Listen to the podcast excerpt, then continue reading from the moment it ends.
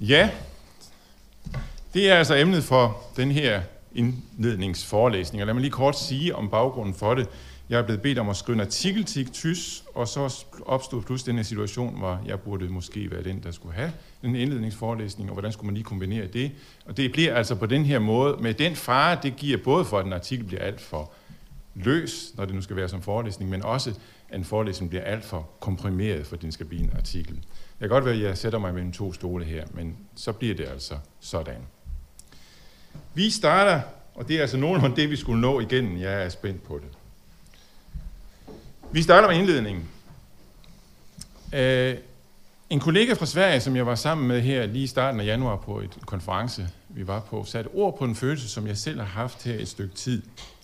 Da han på et tidspunkt i vores samtale kom ind på, hvor helt anderledes vores situation er i dag i forhold til, som det var.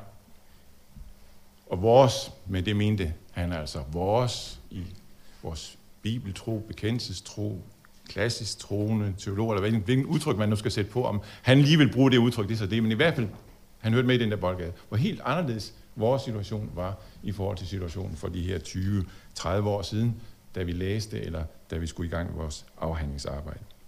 Dengang var det virkelig op ad bakke. Nu var nu den følelse, han, når de ord, han sagde på det. Når man skulle skrive sit speciale eller sin afhandling, så måtte det ofte foregå inden for et grundparadigme, som var en inderlig fremmed. Ikke altid, men ofte. I dag kan man godt have følelsen af at være kommet over bakkekanten. Og ind i et teologisk landskab, som er mere præget af, ja, selvfølgelig nogle op ad bakker, men også nogle pæne ned ad bakker. Det er den følelse, jeg også godt kan have. Det var den, han nævnte noget af. Han sagde det måske nu stærkere, at nu har vi ligesom medvind. Måske lige så meget sagt, men vi er kommet ind i et landskab, vil jeg sige, præget af det her op- og ned ad bakke. Med den uoverskuelighed, der hører med til det. Hvis man er lidt fjeldvandrer, så ved man godt det. I småbakket landskab, hvad skjuler der sig bag ved den næste bakke? Det ved man ikke så meget om. Det er uoverskueligt. Hvad sker der? Der var der altså noget nemmere i gamle dage, hvor der var den her ene lange, udtærende fjeldside, som man kunne overskue hele vejen, og den var hård, men vi havde da i hvert fald oversigten. Det er der ikke helt på samme måde med. Men alligevel en helt anden situation, eller en ret meget anderledes situation, øh, hvor ikke næsten al akademisk teologi taler imod det, som er ens grundlæggende overbevisning. Måske endda en hel del taler for. Det er selvfølgelig et forenklet billede, og det er mit meget subjektive billede, men sådan har jeg det. Og hvad er baggrunden for den her følelse? Ja, her burde jeg og kunne jeg jo også have nævnt det, som ofte bliver trukket frem, nemlig den forskydning af tænk- tyngdepunktet for den kristne tro fra nord til syd. Europa, der ikke længere er i føretrøjen. Europa, der er undtagelsen. Den sekulare, gudløse Europa, der er undtagelsen i en verden, hvor Guds tro er en selvfølgelighed mange andre steder. Europa som den syge gamle mand, som Tyrkiet blev fremstillet for 100 år siden i karikaturer og tegninger af aviser. Sådan er Europa nu. Tyngdepunktet har forskubbet sig, og det kommer også til at betyde noget for teologien. Konturen er en helt anden kristenhed med en på mange måder helt anderledes selvfølgelig gudstro tegner sig. Det er kun langsomt ved at gå op for os. Også os, der hører til den del af kirken, der med glæde ser på det måske. Det kunne jeg tegne trukket frem som en del af det, der giver den her fornemmelse af en ny situation. Og så må jeg alligevel indrømme, at det ikke først og fremmest er det her, der giver de her følelser. Ikke først og fremmest. For det jeg mere, tænker på, når jeg taler om den ændrede situation. Det er postmodernismen. Og alt det, som den har medført, at opgør med den vestlige opfattelse af fornuften og videnskaben, som det, der er hævet over al tilfældighed, al begrænsethed og al usikkerhed. Jeg er godt klar over, at for mange, der vækker postmodernismen først og fremmest følelsen af frustrationer. Og det kan jeg godt forstå. Alting flyder. Der er ingen objektiv sandhed mere. Og postmodernismen er også, tror jeg, i udpræget grad et moderne fænomen midt i sin postmodernitet. Vi mennesker er ikke andet end bobler på vandet. Vi er elementer i evolutionens lange tilfældige strøm. Vi tror måske, at vi er noget særligt, at vi har en personlighed, et uforvekseligt jeg. Vi tror, at vi er noget særligt, men så er vi ikke andet end et mødested for strømninger. Og tanker og følelser, der kommer og går ind i os og ud af os. Det, som postmodernismen gør med den her forståelse af mennesket, er jo i grunden ikke andet end, at den tager konsekvensen af det moderne syn på, hvad tilværelsen er, med evolution og med historie, som det former os, og nu ikke sætter grænsen ved menneskets tanke, sådan som oplysningstiden mærkeligvis gjorde. På alle andre områder, der var vi produkter og så meget andet. Men tanken, den var hævet op over alt. Nej, det er den ikke. Tanken hører med i den her strøm. Tilfældighed, som gentegner alt muligt andet. Og dermed gør postmodernismen jo samtidig op med det, som har været det bærende i modernismen. Troen på det autonome menneske og dets muligheder for med den kritiske fornuft at nå ind til virkeligheden til kernen, til det gode liv, til det sande samfundsopbygning osv. Det er den tro, der har båret den vestlige verden siden oplysningstiden. Det er ved hjælp af den, at den har vundet sine triumfer og sit uhørte herredømme. Og det kan jo også godt se ud som om, at resultaterne i høj grad bekræfter, at det er sandheden, man har fat i her. Og så siger postmodernismen alligevel, så er det ikke andet end en bestemt gruppes opfattelse, en bestemt kulturs opfattelse, og endda kun elitens opfattelse i den kultur. Når vi også i vores tænkning er produkter af en udvikling, indfældet i andres tanker og meninger, så er det en fiktion at tale om dette som sandheden med stort S. Så handler det langt snarere om magt.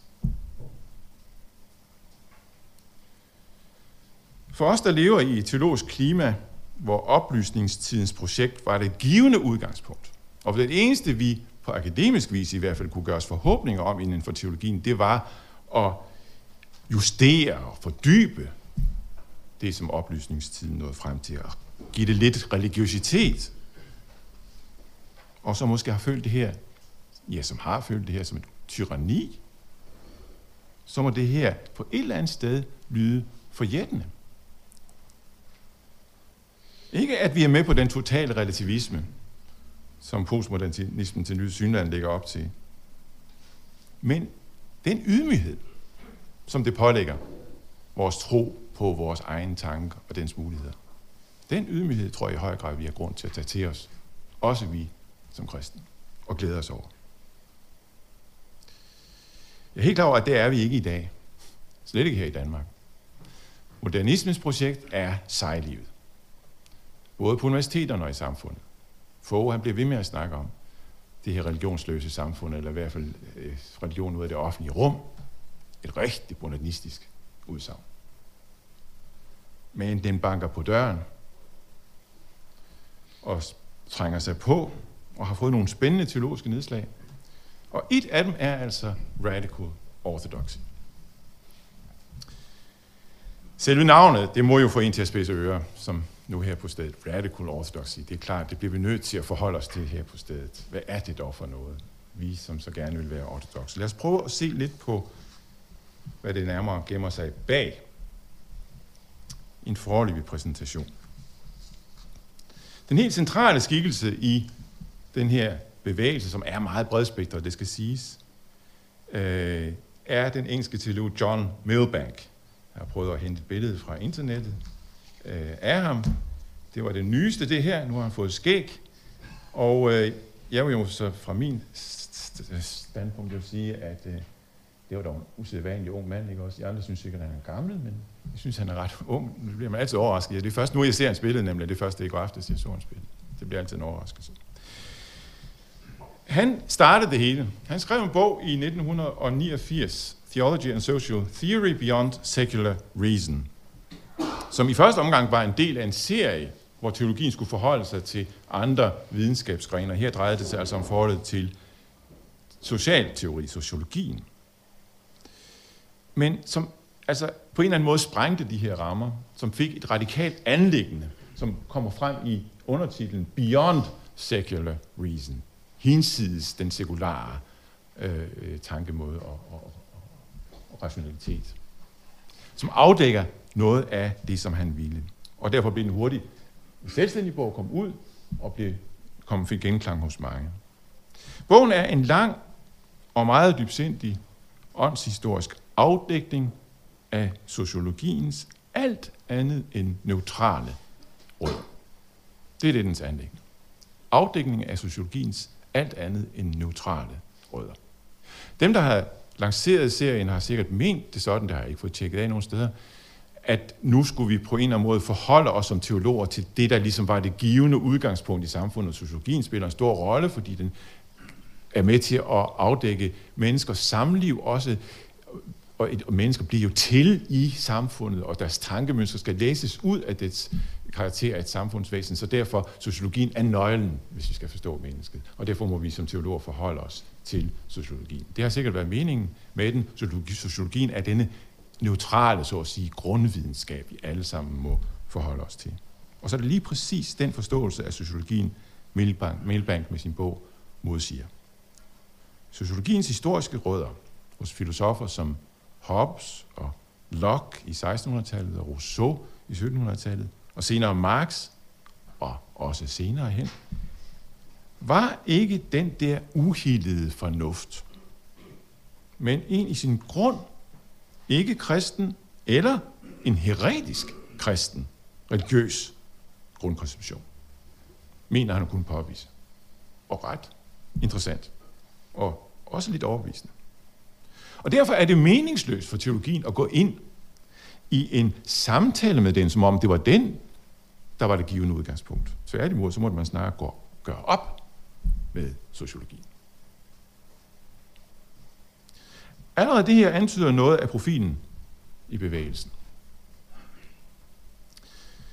Øh, en sammenligning med en anden nedslag af øh, teologien nu her inden for det øh, postmoderne, den postliberale teologi, kan give en, en lille fornemmelse. Postliberal teologi, dem der har gået til teologihistorie, har i hvert fald stødt på dem, med navne som George Lindbeck, Hans Frey, det er, lyder så tysk, men det er altså en amerikaner, Stanley Hauers, alle sammen amerikanere, øh, er jo et af de her nedslag, vi har set på teologien her i den postmoderne situation.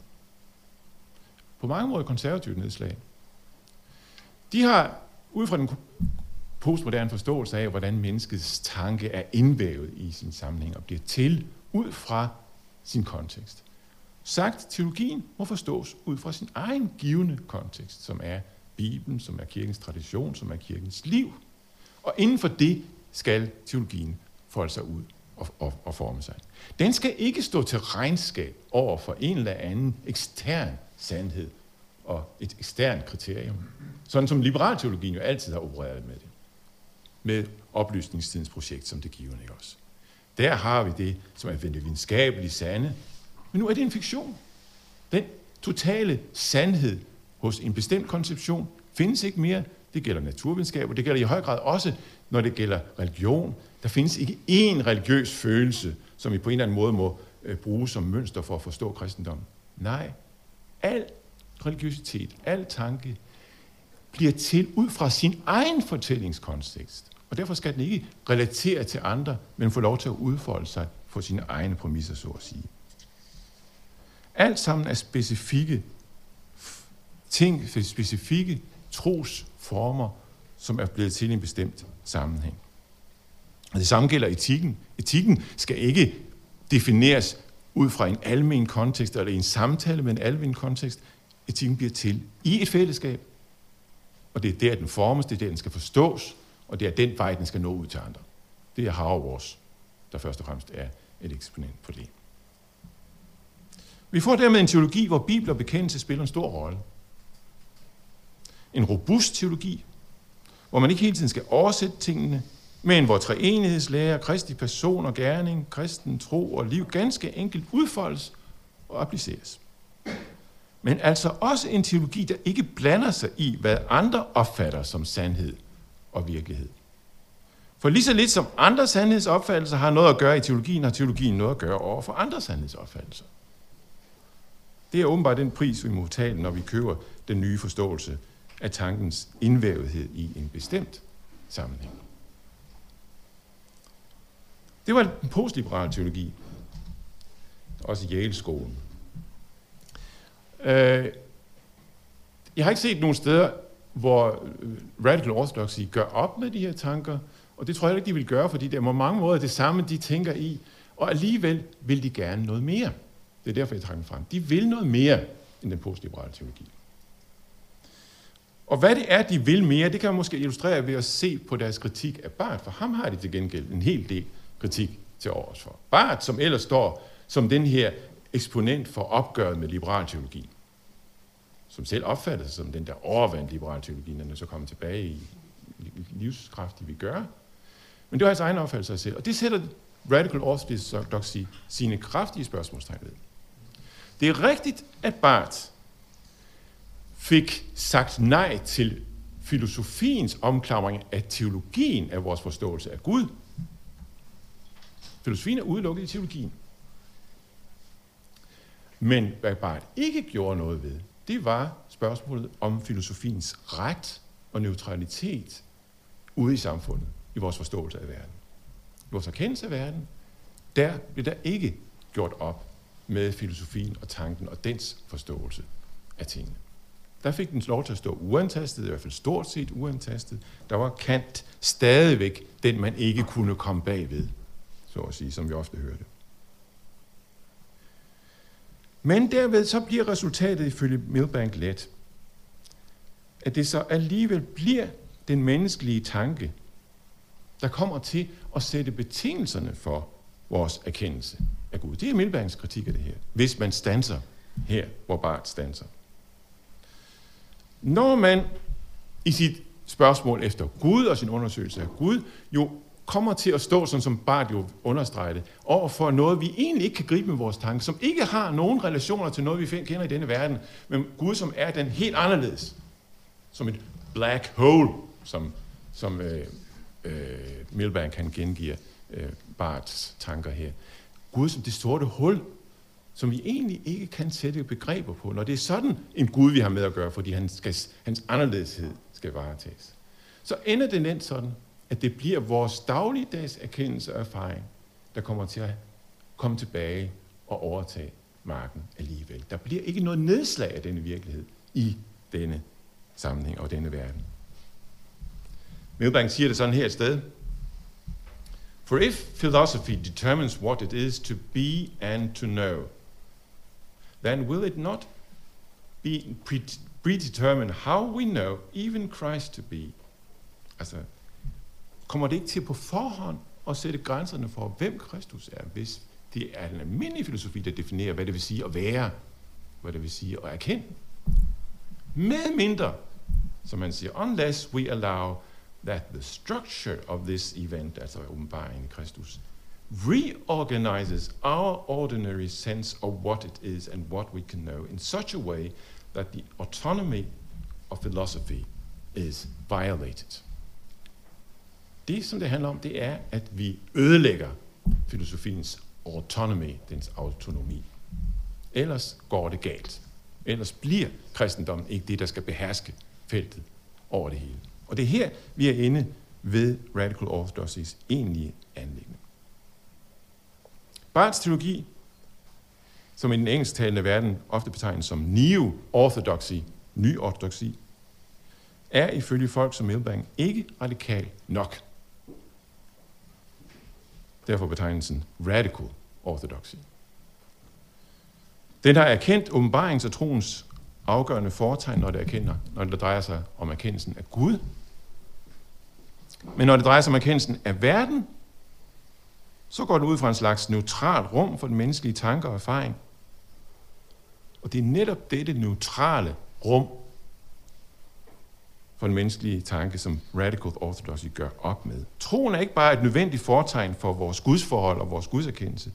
Den er også et nødvendigt fortegn for erkendelsen af verden.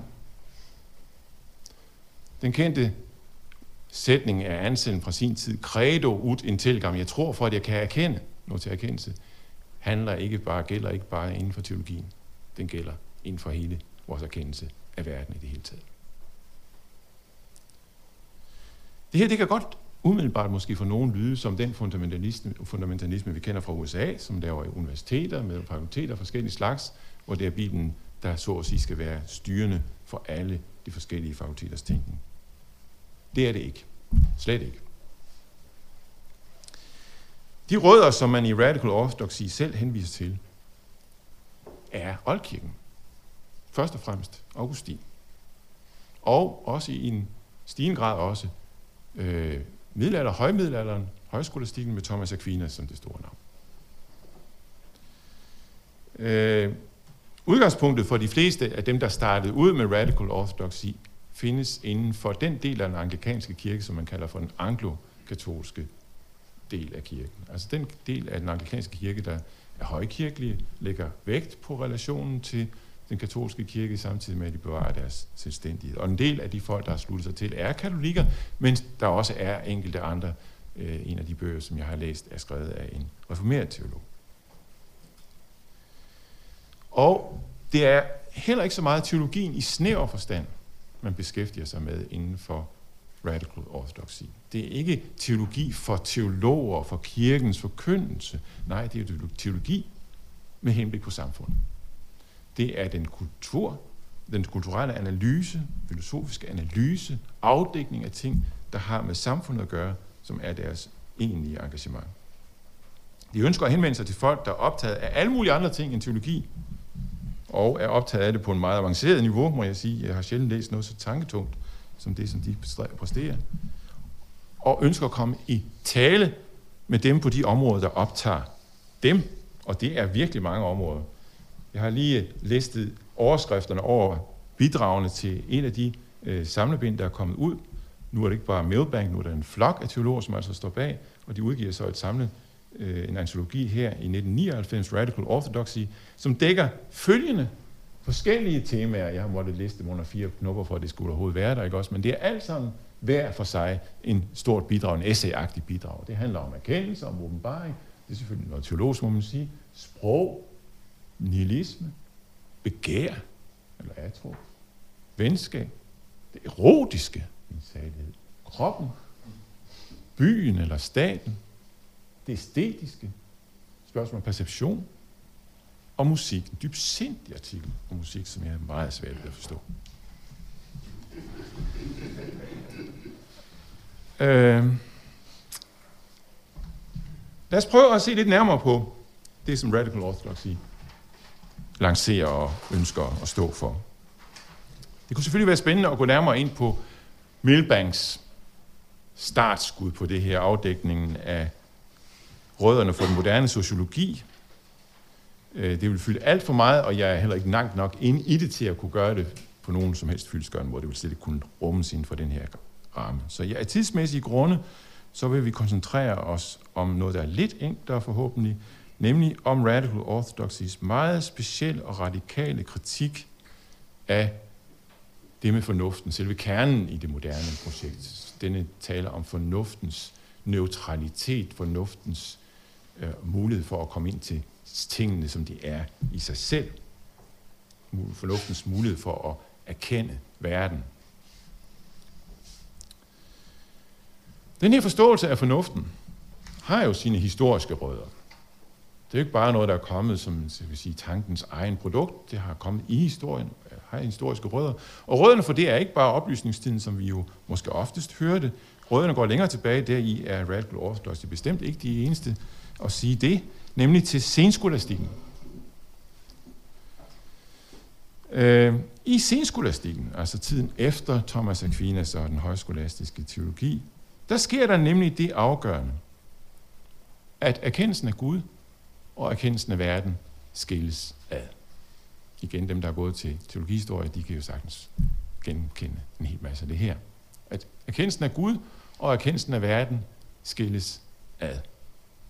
Eller for at være lidt mere præcis, hvor man i højskolastikken, altså hos Thomas Aquinas for eksempel, øh, opfattede tilværelsen som en dyb, med det åndelige eller transcendente som den inderste nøgle for erkendelse, for sammenhæng, for virkelighed, for sandhed. Vi kender lidt fra den platonske forståelse af idéerne, som det, der bærer alt det, der findes på det ydre plan. I stedet for at opfatte tilværelsen på den her måde, så flyttes fokus i senskolastikken ud til den ydre verden, til det konkrete. Med udgangspunkt i det konkrete begynder man at erkende tingene. Ikke at man opgiver troen på Gud. Senskolastikerne er lige så meget kirkens mænd, som Thomas var det. Men hvor Thomas opererer med en meget nøje sammenhæng mellem Guds virkelighed og verden. En sammenhæng af ontologisk art. Verden grunder i Gud og i hans væren. Det skal virkelig forstås ontologisk og reelt. Og derfor er der en sammenhæng, en reel sammenhæng mellem Gud og verden. Og derfor kan filosofien og teologien spille sig tæt sammen. Men hvor altså Thomas opererer med en sådan sammenhæng mellem Gud og verden, der indfører senskolastikken et skæld. Gud står som skaberen over for sit skaberværk. Han erkendes ikke bare i forlængelse af vores erkendelse af skaberværket. Gud er ikke bare, som det bliver, var, hovedvægten bliver ofte hos Thomas, som hovedvægten var hos Thomas. Gud er ikke bare tænken, den inderste tænken, den inderste tanke, som er meget mere end, en tanke i deres forståelse, som er realitet. Gud er ikke bare tænken eller væren. Nej, siger senskolastikerne, Gud er noget andet. Gud er vilje. Gud er personlig. Og derfor kan vi kun lære ham egentlig at kende ved, at han meddeler sig til os. Ikke bare ved, at vi tænker ham i forlængelse af det skabte. Bibelen får en anden plads, selvom den selvfølgelig er en selvfølgelig autoritet, i, også i højskolastikken, så får den alligevel en anden plads i Guds forståelse.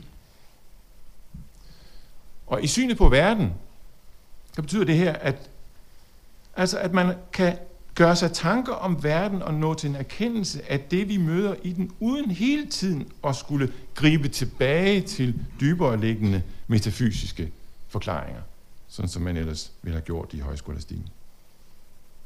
Og det kan man så også efterhånden se resultater af. Sådan, det kan føre til en brugbar erkendelse af verden. Det var det, der skete i senskolastikken. Og i manges ører, der lyder det her vel egentlig ikke så tosset. Reformationen er jo på sin vis en frugt af det her. Dens vægtlægning på Bibelen, dens klare skælden imellem erkendelse af Gud og filosofien, er en frugt af det her. Og hvis vi opfatter det, vi fik med reformationen, som en positiv og rigtig forståelse af Gud i hans forhold til os og verden, så siger det vel også noget om, at der er grund til at se med positive øjne på den anden side af det, nemlig den naturvidenskabelige tilgang til verden som en befrielse, som en rigtig forståelse af, at verden kan forstås som skabt, uden hele tiden at skulle se det religiøse eller det, det åndelige ind i det. Og i den forstand, så kan man altså nå frem til at se på naturvidenskaben i dens første start, og også på mange måder i dens nutidige udfoldelse, som en sand frugt af en grundlæggende kristen forståelse af verden. Men det er præcis det her, der modsiges af radical orthodoxy. Både ud fra kristelige teologiske grunde og ud fra filosofiske grunde. Igen, vi kan ikke gå ind i detaljerne i den filosofiske, filosofiske udfoldelse af det her i radical orthodoxy, men det handler i de forskellige analyser i bund og grund om at vise, at disse afgørende vejvalg i tænkningens historie slet ikke er præget af den tankens nødvendighed, vi måske har gået ud fra. Men at der knytter sig noget tilfældigt, som i al historie, som i al udvikling til det, der skete. At det har vokset frem af en grundforståelse hos nogen, som netop er kendetegnet af valg, af personlig overbevisning, ofte baseret på en kristendom, som viste sig at være skæv. Vi mener, at vi i dag forstår verden ud fra sig selv. Det gælder i udpræget grad inden for naturvidenskaben, men det gælder måske også alle andre områder, som sociologi, som forståelsen af erkendelsen og dens betingelser, menneskets liv i samfundet osv. Og så grunder det her ifølge Radical Orthodoxy, og sammen med dem en lang række af de andre postmoderne filosofer, dybest set i personlige valg og præferencer. Som den videre udfoldelse af de pågældende tanker ganske vist har glemt eller tildækket, men som lever deres liv hele tiden under neden i disse forskellige filosofier og tilværelsesforståelser. Problemet med det her for den kristne tro er ikke bare det, at den kristne tro og teologi bliver skubbet ud af det her projekt, og ikke får den indflydelse og spille den rolle, som den engang har gjort. Nej, problemet er ikke bare det, at vi ikke får lov til at spille med. Problemet er, at vores forståelse af virkeligheden og det liv, som vi opbygger på den her forståelse, bliver præget af nogle grundlæggende skævheder. Og aporier, det er et udtryk, som man ofte bruger i den her sammenhæng. Altså ting, der ikke hænger sammen. Ting, der strider imod hinanden, som ikke er til at få til at gå op i en højere enhed. Som efterhånden viser sig på en række områder. En så endimensionel forståelse af tilværelsen. Forståelse af tilværelsen på et plan, så at sige. Forståelsen af det ud fra dens egen lovmæssighed og sammenhæng. Sådan en dimensionel grundforståelse af tilværelsen er syg. Og den sygdom kommer til at producere mere sygdom, hvis ikke den bliver afdækket. Derfor består en hel del af det arbejde, som, som jeg, jeg kan se foregår inden for Radical Orthodoxy, i en afdækning af nogle af de her sygdomstegn, og et forsøg på at komme med nogle alternativer til dem. Vi skal tage to eksempler.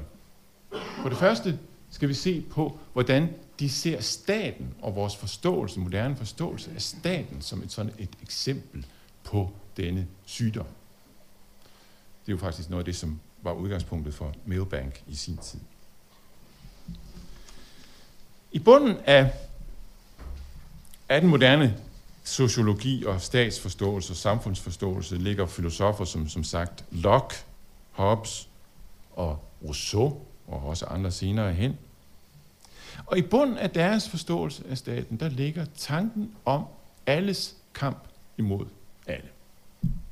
Når vi skal have stater, så er det for at regulere det her bund- og grundforhold, vi mennesker lever i, i alles kamp imod alle.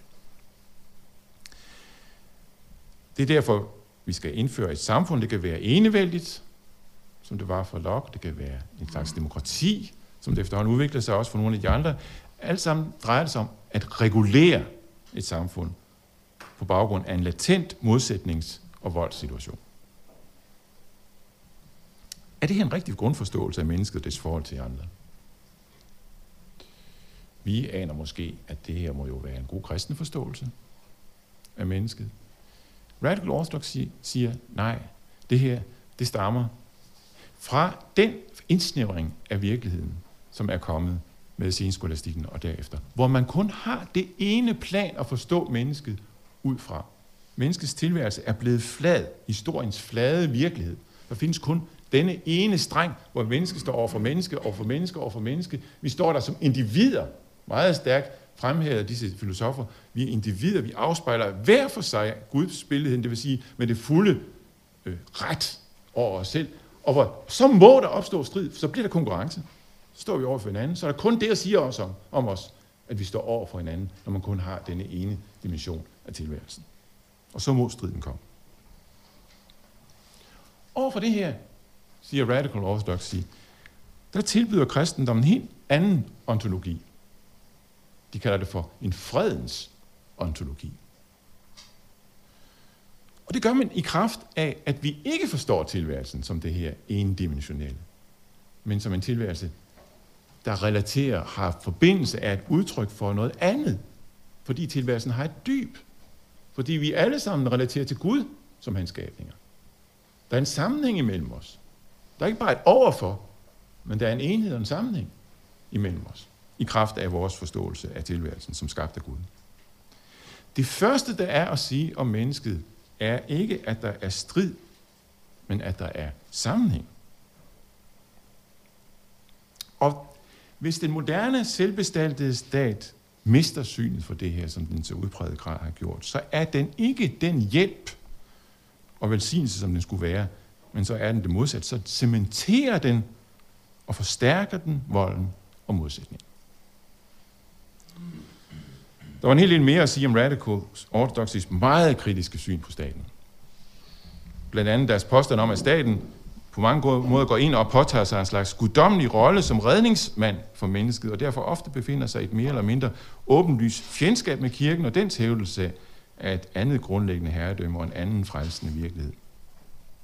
Så der er virkelig et meget radikalt negativt syn på staten, øh, virker det til, ud fra det, jeg har læst i Radical Orthodoxy. Men vi skal videre og se på et andet sygdomstræk, som man her vil trække frem og pege på alternativer til. Nemlig spørgsmålet om materialitet og kropslighed, som jeg også så det i oversigten over de forskellige emner, man tog op, så spiller det en rolle. Nogle vil måske her forvente, at øh, vi, øh, det, som vi skal høre nu, det er kritikken af den moderne optagethed af materialitet og kropslighed. At man vil prøve på at pege på det åndelige i stedet for. Og, og det, at jeg har nævnt, at Platon spiller en mærkelig rolle som baggrund for uh, radical orthodoxy, kunne jo også lægge op til en sådan forståelse. Platon, som jo i vores optik netop har denne meget stærke betoning af det åndelige frem for det lægelige, den dualistiske skælden og vægtlægningen på det åndelige frem for det lægelige. Men mærkeligt nok, så er det præcis ikke det, man er ude på i radical orthodoxy. Ikke at pege på det åndelige frem for det lægelige. Tværtimod så kritiserer man modernismen for dens nedvurdering og opløsning af sand materialitet, kropslighed og densidighed. Paradoxalt nok sker der nemlig det, med modernitetens ensidige fokusering på det materielle, denne side liv, at dette materielle liv mister sin materialitet og sin ægte denne sidighed, sin ægte tilfældighed.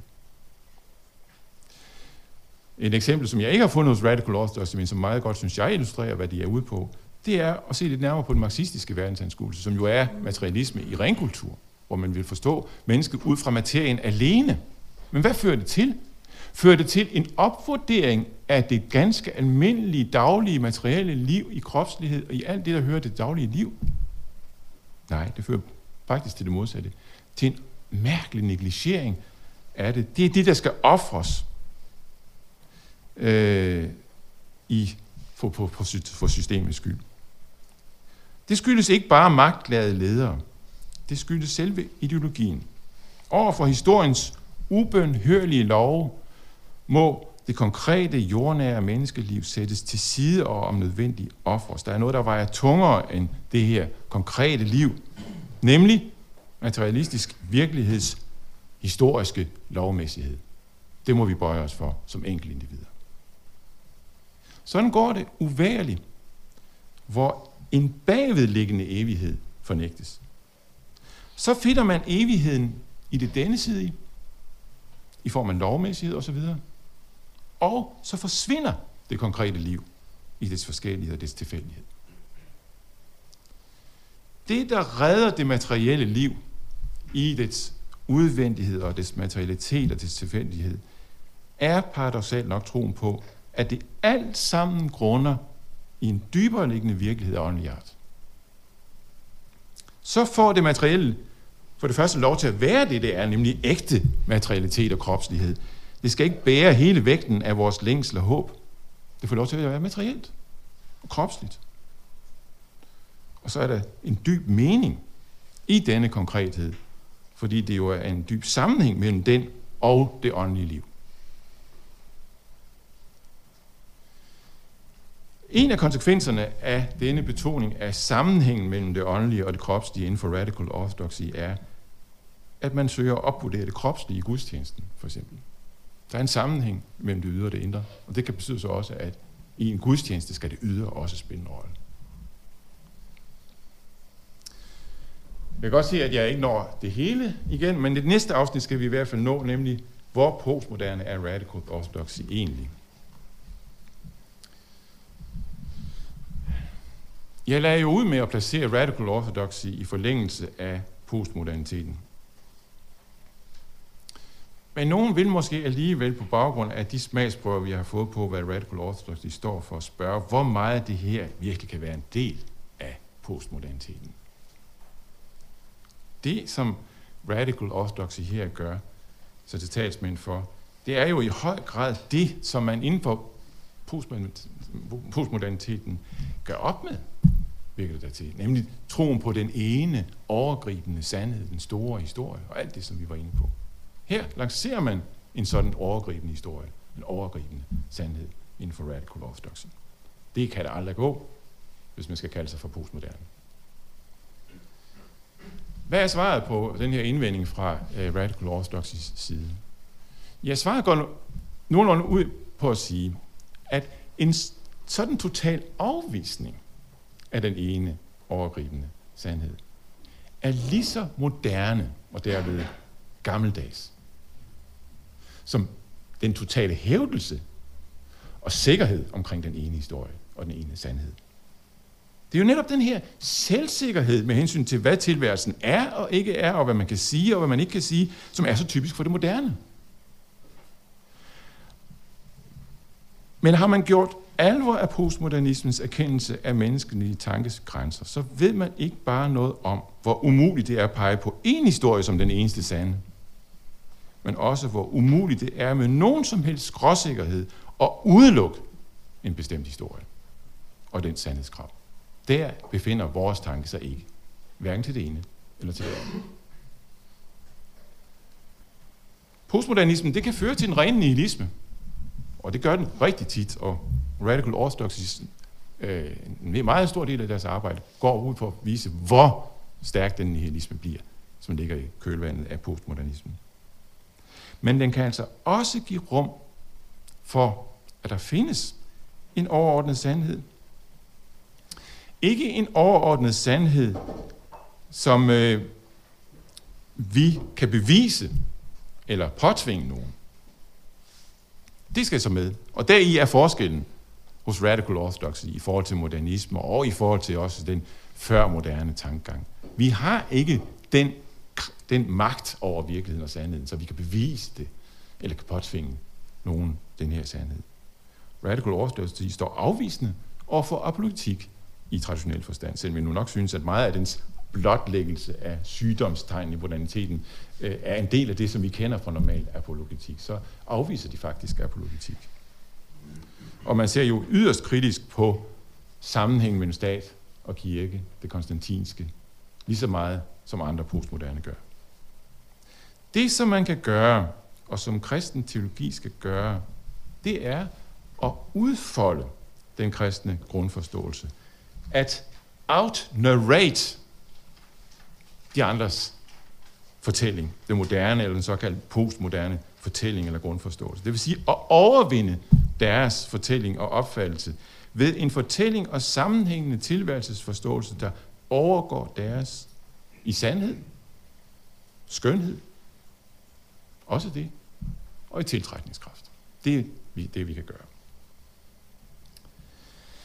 Og dermed så var jeg jo færdig med det her afsnit, og så var der et afsnit, der hed konklusioner.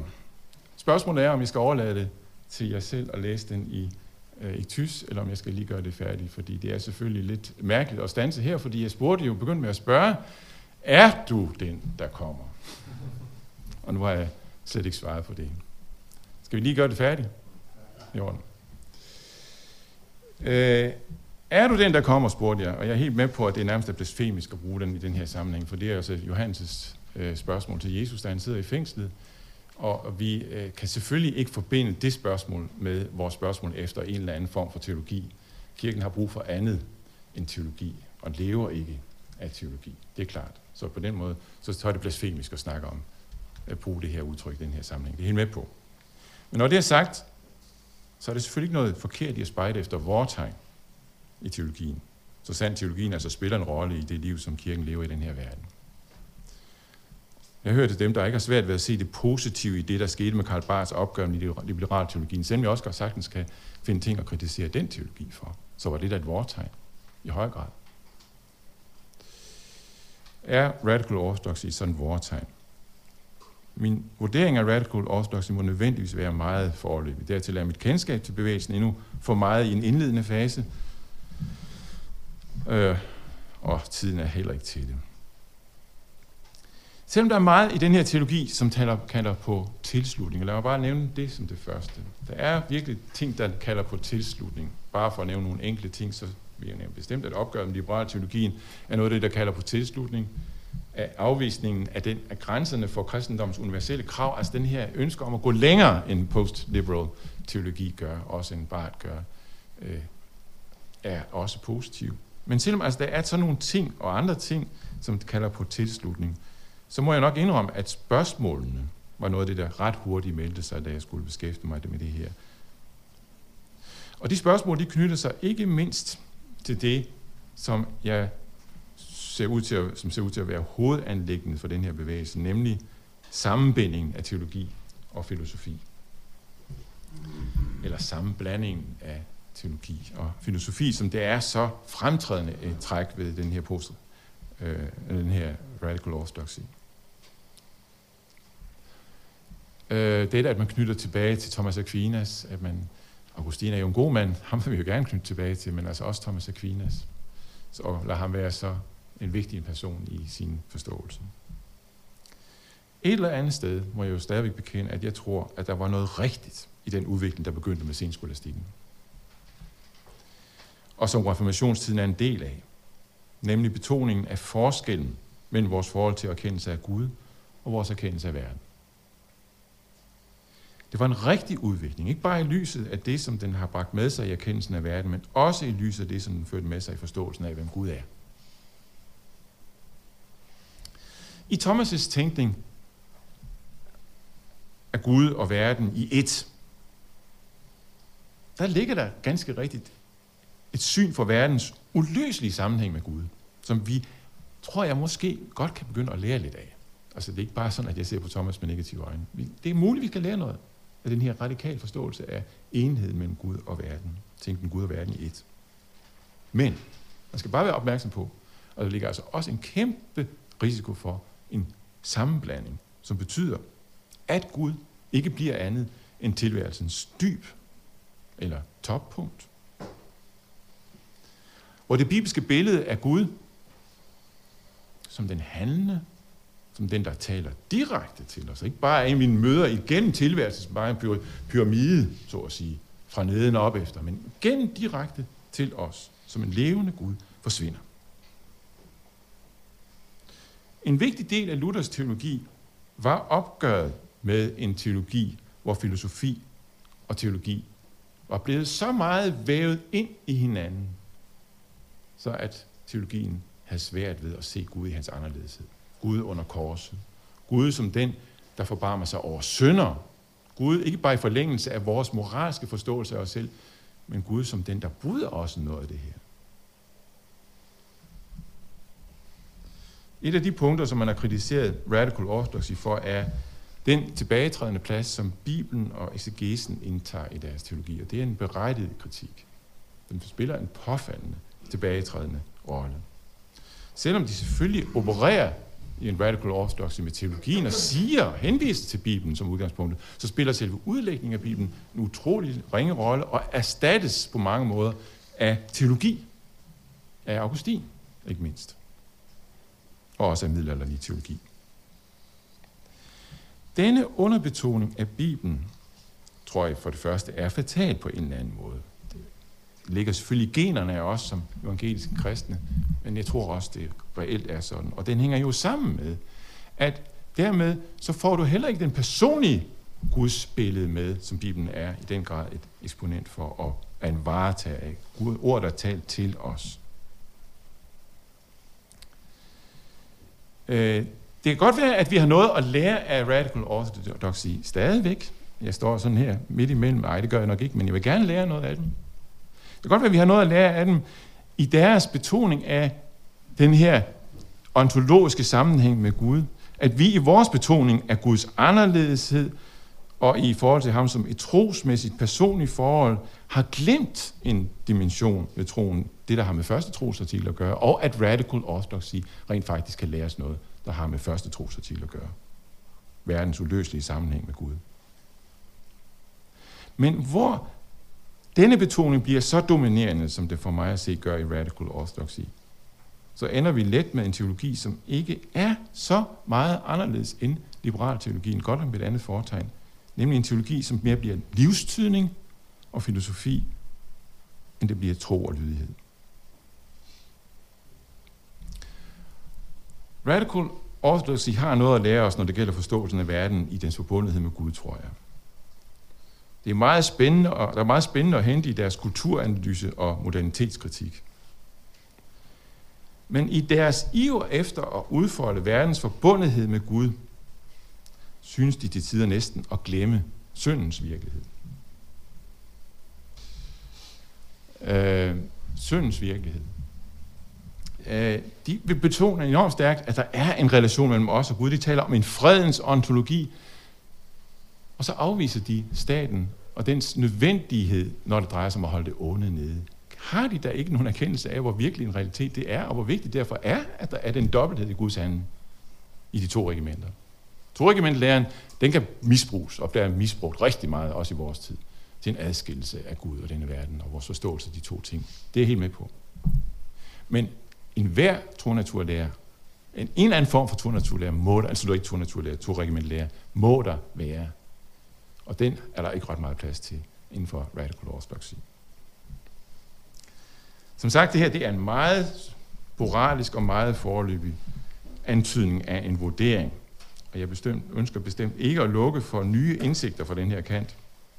Og selve udgangspunktet for radical orthodoxy, det der den vil være, den her radikal, radikale ortodoxi, den ønsker at læse øh, tingene ud fra en grundlæggende kristen forståelse, den, den, den siger jeg ikke nej til, og den er der meget, den giver håb om, at der er meget at lære her. Det kan man godt på en eller anden måde henregne til vortegnene i vores tid. Men skal jeg svare på, om dette er teologien for vores tid, sådan som overskriften på den her foredrag lægger op til, så må svaret nok i al forløbighed blive et nej. Og det er jo selvfølgelig lidt træls at slutte en sådan lang seance som den her med at sige. Det er helt med på.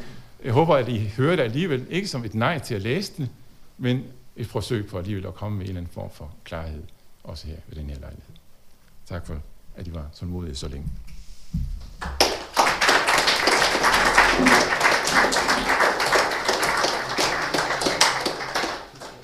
Asger, vi kan lige få tid til et enkelt spørgsmål eller replik.